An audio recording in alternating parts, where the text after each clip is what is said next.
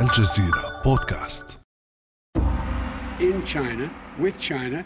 China, Beijing. We're going to deal with China. لم يمض على وصوله إلى البيت الأبيض أكثر من شهرين إلا أن اسم الصين لم يغب إلا نادرا جدا عن تصريحات وخطابات جو بايدن حتى أصبح حضور اسم الصين كالملح في الطعام في أحاديث الرئيس الأمريكي I see stiff competition. أرى منافسة محترمة مع الصين.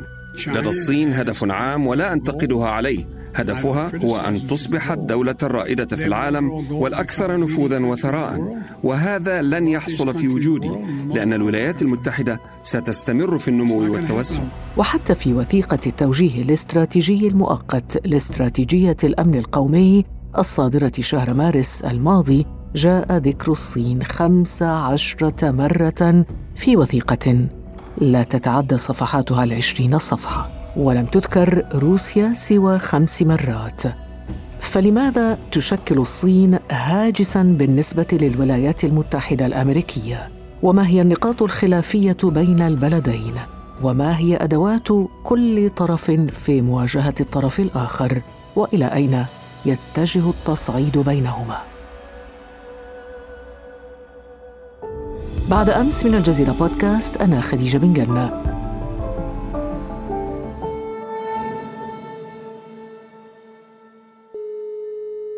أرحب في هذه الحلقة بالدكتور محمد مكرم البلعاوي رئيس منتدى آسيا والشرق الأوسط. دكتور أهلا وسهلا بك صباحك سعيد. أهلا وسهلا بك ومرحبا سعيد جدا أن أكون معكم مرة أخرى في هذا الموضوع الهام. شكرا لك وهذا موضوع هام بالفعل. خصوصا أن العلاقة تتجه نحو التصعيد ربما لا يقل خطورة عن التصعيد الذي كان موجودا أيام الرئيس السابق دونالد ترامب. لو فصلنا دكتور بلعاوي في أسباب العداء الأمريكي الصيني المتنامي رغم تعاقب الإدارات الأمريكية، ما الذي يؤجج هذا العداء؟ هناك أسباب مباشرة وأعتقد أنها ليست هي المهمة وهناك سبب حقيقي ينبغي التركيز عليه يعني خلال القرن السابع عشر أصبح هناك تحول كبير من الناحية الحضارية على مستوى العالم. إذ انتقلت البؤرة الحضارية عمليا من آسيا إلى أوروبا الغربية ثم الولايات المتحدة الأمريكية. نحن اليوم نشهد حالة معاكسة حيث ستنتقل بؤرة التأثير وبؤرة الحضارة بالضرورة من الغرب إلى الصين والهند مرة أخرى إلى آسيا. أما الأسباب المباشرة فهي مرتبطة بالصعود الصيني والقدرات الصينية الاقتصادية التي تتنامى بسرعة. وعمليا أقصلت الولايات المتحدة الأمريكية عن منصب أو مقام الاقتصاد الأول في إحدى التصنيفات اللي هو triple B. وأيضا نفوذ جيوستراتيجي والجيوسياسي وأيضا تصاعد القدرات العسكرية الصينية. طيب لو عدنا إلى النقطة الأولى التي ذكرتها دكتور بلعاوي وهي النقطة تتعلق بانتقال مركز أو بؤرة الحضارة من الغرب إلى الصين. يعني واضح أن المقومات الأخلاقية لهذه الحضارة مفقودة في الصين. يعني الصين ليست مثالية في الموضوع الأخلاقي المتعلق مثلا بحقوق الإنسان. هذا بيعتمد على النظرة. النظرة التي تسود في أنحاء العالم متأثرة كثيرا بالإعلام الغربي ومراكز الأبحاث الغربية والجماعات الغربية. على سبيل المثال أنا شخصيا مثلا درست العلاقات الخارجية أو العلاقات الدولية وفق المدارس الغربية. يعني أكاد لا أعرف فيلسوفا صينيا واحدا بحث في هذا الأمر. نحن بالعموم نظرتنا للعلاقات الدولية هي نظرة متأثرة بالنظرة الغربية ولذلك نركز على القيم الغربية وعلى المعايير الغربية. اليوم إحنا في عندنا محك حقيقي كان مجموعة من المحكات منها مثلا إدارة أزمة كورونا سواء على الصعيد الداخلي أو على صعيد العلاقات. الصين كانت متفوقة بشكل واضح جدا في هذا المجال. العالم الغربي شهد إفلاسا أخلاقيا حقيقيا في هذا الأمر.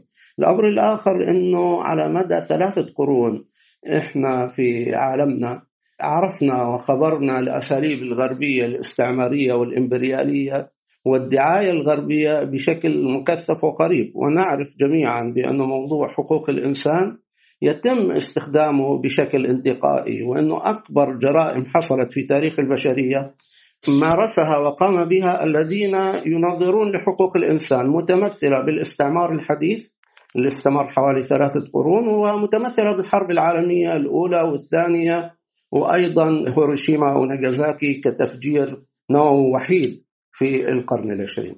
طيب ما هي مظاهر وتجليات الصراع الصيني الأمريكي سياسيا، اقتصاديا، عسكريا، تكنولوجيا؟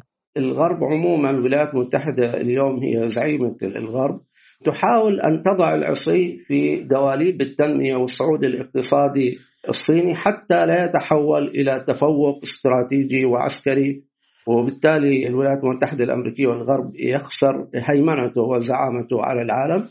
فالموضوع ليس مرتبطا في الجانب الاقتصادي فقط هو يحاول أن يضع العصي في كل شيء يمكن أن يجعل المسيرة الصينية تتأخر إلى الخلف سواء مثلا في موضوع حقوق الملكية الفكرية أو مثلا في الاقتصاد أو في حتى خطوط التجارة أو البحرية أو الخطوط البرية أو في كل شيء تقريبا. هل هناك برأيك دكتور بلعاوي فرق أو فوارق بين الديمقراطيين والجمهوريين في التعامل مع الصين؟ أنا بظن إنه من ناحية اللب والجوهر لا فرق بينهما.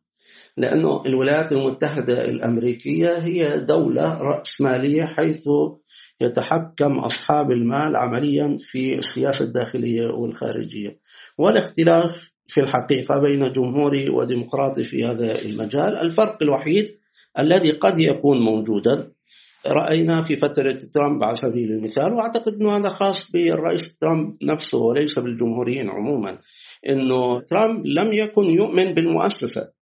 هو حاول أن ينسب لنفسه كل الفضل وأن يمارس السياسة الخارجية تقريبا بدون دعم المؤسسة واستخدم خطابا شعبويا غير مألوف في السياسة الدولية بينما في حالة الرئيس الموجود جو بايدن هو ابن هذه المؤسسة ولديه خبرة طويلة في العلاقات الدولية والدبلوماسية ولذلك سنجد بأن المحتوى واحد لكن الملمس أنعم إذا جاز التعبير. لكن واضح دكتور بلعاوي أن الصين تسير بخطى متسارعة جدا لتبوء أو لتحقيق الريادة الاقتصادية والسياسية والعسكرية في مواجهة الولايات المتحدة الأمريكية. هناك ربما اقتصاديا المشروع الأهم مبادرة الحزام والطريق عسكريا هناك إنفاق كبير من الصين يعني تخطت ميزانية الصين العسكرية 170 مليار دولار عام 2018 بعد ما كانت يعني لم تتخطى عام 2007 77 مليار. يعني هناك إنفاق عسكري متزايد هناك بناء لقواعد عسكرية في مناطق مختلفة في العالم. تكنولوجيا هناك إطلاق لتطبيقات إلكترونية صينية. هناك يعني السعي حثيث على كل المستويات لمنافسة الولايات المتحدة الأمريكية. هل نجحت في ذلك؟ الصين هي تزعم بأنها دولة نامية. وتريد أن تحقق الاستقرار لشعبها ولذلك هي تطرق جميع الأبواب كما طرق من قبل غيرها سواء في مجال الاقتصاد في مجال الصحة في مجال التعليم في مجال التجارة الدولية في كل المجالات. هم لا ينكرون ذلك وأنا أعتقد أنهم أبلوا بلاء ممتازا في هذا المجال. على صعيد مثلا الخروج من تحت خط الفقر. لك أن تتخيلي إنه حوالي نصف مليار بني آدم خرجوا من تحت خط الفقر نتيجة للسياسات الصينية. هذا إنجاز غير مسبوق في تاريخ البشرية. في الخمسينيات كانت الصين تعاني من مجاعات. اليوم مستوى الدخل داخل الصين يزداد باضطراد وأصبحت الصين قبلة في المجال التكنولوجي وفي مجال الصناعات المختلفة. لم تعد مصنع العالم الذي يصنع ألعاب الأطفال ويعني الثلاجات وإنما الآن هي تتجه بسرعة إلى ال high tech مجال ال artificial intelligence الذكاء الصناعي تريد أن تصل إلى المريخ ستصل إلى القمر. في كل المجالات هي تسير بخط سريع جدا لكن السياق الذي تضع القيادة الصينية والصين بأنه هذا أمر متاح للجميع إنجاز بشري. الصين من حقها أن تصعد وليس الهدف هو منافسة أحد على قيادة العالم كما يود الغربيون وبالذات الولايات المتحدة أن يصور لكن ربما دكتور بلعاوي يعني ما تنفقه الصين لا يساوي شيئا كبيرا مقارنة بما تنفقه أمريكا على الميزانية العسكرية. يعني أنا ذكرت سنة 2018 الصين كانت ميزانيتها العسكرية 170 مليار في نفس السنة أمريكا ميزانيتها تجاوزت 700 مليار وربما الآن تتجاوز تريليون دولار. صحيح بس أعتقد أنه المقارنة بحاجة إلى نظر لأنه من الأشياء التي تتهم بها الصين غياب الشفافية في هذا الموضوع وكثيرا ما تضع المصاريف تحت عناوين مختلفة. يعني أحيانا تطوير نظام الطيران والطائرات الحربية والاستطلاع لا يكون تحت وزارة الدفاع وإنما يكون تحت مثلا سلطة الطيران المدني. وبالتالي الحساب بحاجة إلى تفكير طويل. الأمر الآخر أنه الدولار الأمريكي في الصين ليس نفس الدولار في الولايات المتحدة الأمريكية. ولذلك كثير ما يتم الاحتساب بالقياس بسموه triple B وهو كم يسوى وكم يشتري هذا الدولار في المنطقة الجغرافية المحددة؟ هو أكيد بيشتري أكثر بكثير في الصين منه في الولايات المتحدة الأمريكية. الأمر الأخير أنه الصين ليس لديها طموح للسيطرة على العالم ولذلك هي تريد أن تحمي جوارها وحدودها ونفسها خلافا للولايات المتحدة الأمريكية التي صنعت أساطيل وتريد أن تسيطر بها على العالم بأسره. ولذلك الإنفاق هنا غير الإنفاق هناك. هل الأمر يختلف ربما لأنه أدوات إدارة الصراع اختلفت؟ يعني الطرفان ليس بحاجة إلى السلاح لإدارة هذا الصراع. بقدر الحاجة إلى أدوات أخرى مثل التحالفات التحالفات السياسية والاقتصادية. هل تعتقد في هذا السياق دكتور بلعاوي أنه إدارة جو بايدن ستواصل حشد التحالفات والشركاء في مواجهة الصين مستقبلا؟ بالطبع لكن أعتقد أن هذه أساليب قديمة يعني التحالفات التي نسجتها الولايات المتحدة الأمريكية على مدى أكثر من نصف قرن أصبحت الآن تحالفات غير فاعلة لأن الولايات المتحدة الأمريكية قوتها الذاتية تراجعت سواء على الصعيد الداخلي الانقسام الداخلي اللي شفناه أبرز تجلياته في اقتحام الكابيتول هول في واشنطن. وما زلنا نرى الآن المساجلات بين بايدن وترامب مع أنه ترامب ترك الرئاسة. هذا على الصعيد الداخلي. والصعيد الخارجي رأينا تراجع حاد في مصداقية الولايات المتحدة الأمريكية وحتى وجودها العسكري على الأرض بتحاول تقلص وجودها العسكري في كل العالم.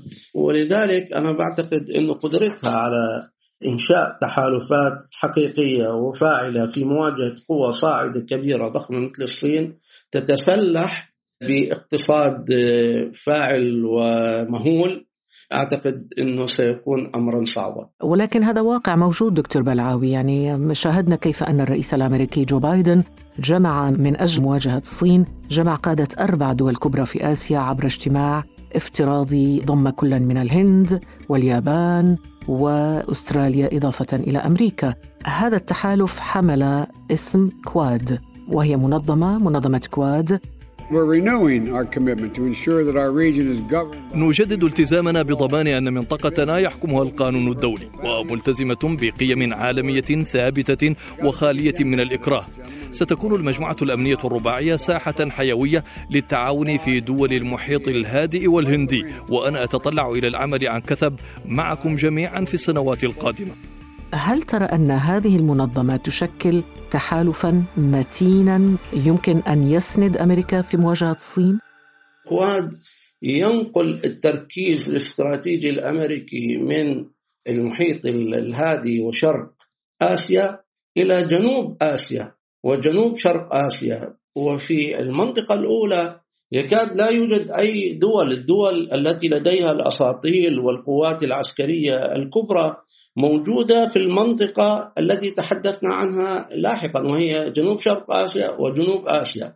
ما يعني بأنه 80 ألف جندي الذين تحتفظ بهم الولايات المتحدة الأمريكية عليهم أن يتضاعفوا ربما عشر مرات من أجل أن يغطوا هذه المنطقة الخطرة اللي بتطل عليها كل من الهند والباكستان واندونيسيا والصين وفيتنام. وهذا أمر لا هو من الناحية اللوجستية ممكن ولا من الناحية الاقتصادية ممكن.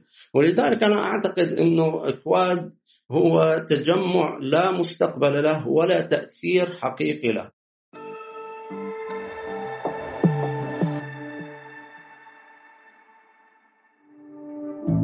فعل زر الاشتراك في تطبيقك لتصل الحلقات يوميا إلى هاتفك بشكل تلقائي.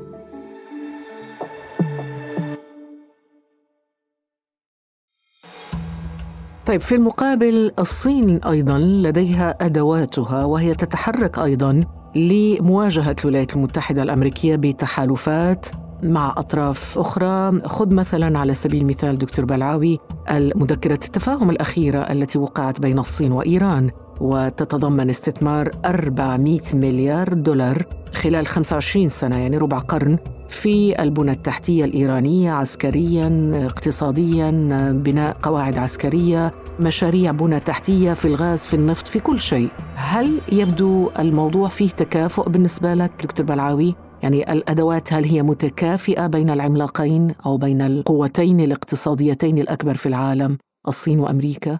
الآن إحنا إذا أعدنا نظرنا في التاريخ سنجد أنه في القرن السابع عشر على سبيل المثال كانت الصين لديها حوالي 30% من اقتصاد العالم. والهند قريب من ذلك. معنى ذلك أنه إذا جمعنا اقتصاد كل من الصين والهند هذا يعني بأنه أكثر من نصف اقتصاد العالم سيتجه نحو آسيا. اليوم إحنا إذا تكلمنا عن الصين وحدها نجد بأن اقتصادها مرتكز على التصدير وليس السوق المحلي. وهذا أمر يحاول القياديون في الصين تغييره وتحويل السوق وإنتاج نحو السوق المحلي المجتمع الصيني ما زال نصفه في الأرياف والقرى. فإذا زاد التمدن وكبر السوق والصين انتشرت في جوارها الآسيوي وامتدت عالميا معنى ذلك بأنها ستصبح عملاقا حقيقيا أكبر بكثير مما نراه اليوم. ولكن كأننا أمام سياسة استمالة كل طرف لأعداء الطرف الآخر في بناء التحالفات عندما نقول أمريكا تتحالف مع الهند واليابان والصين تتحالف مع من خلال طبعا مذكرة التفاهم مثلا مع إيران كأنه عدو عدوي صديقي.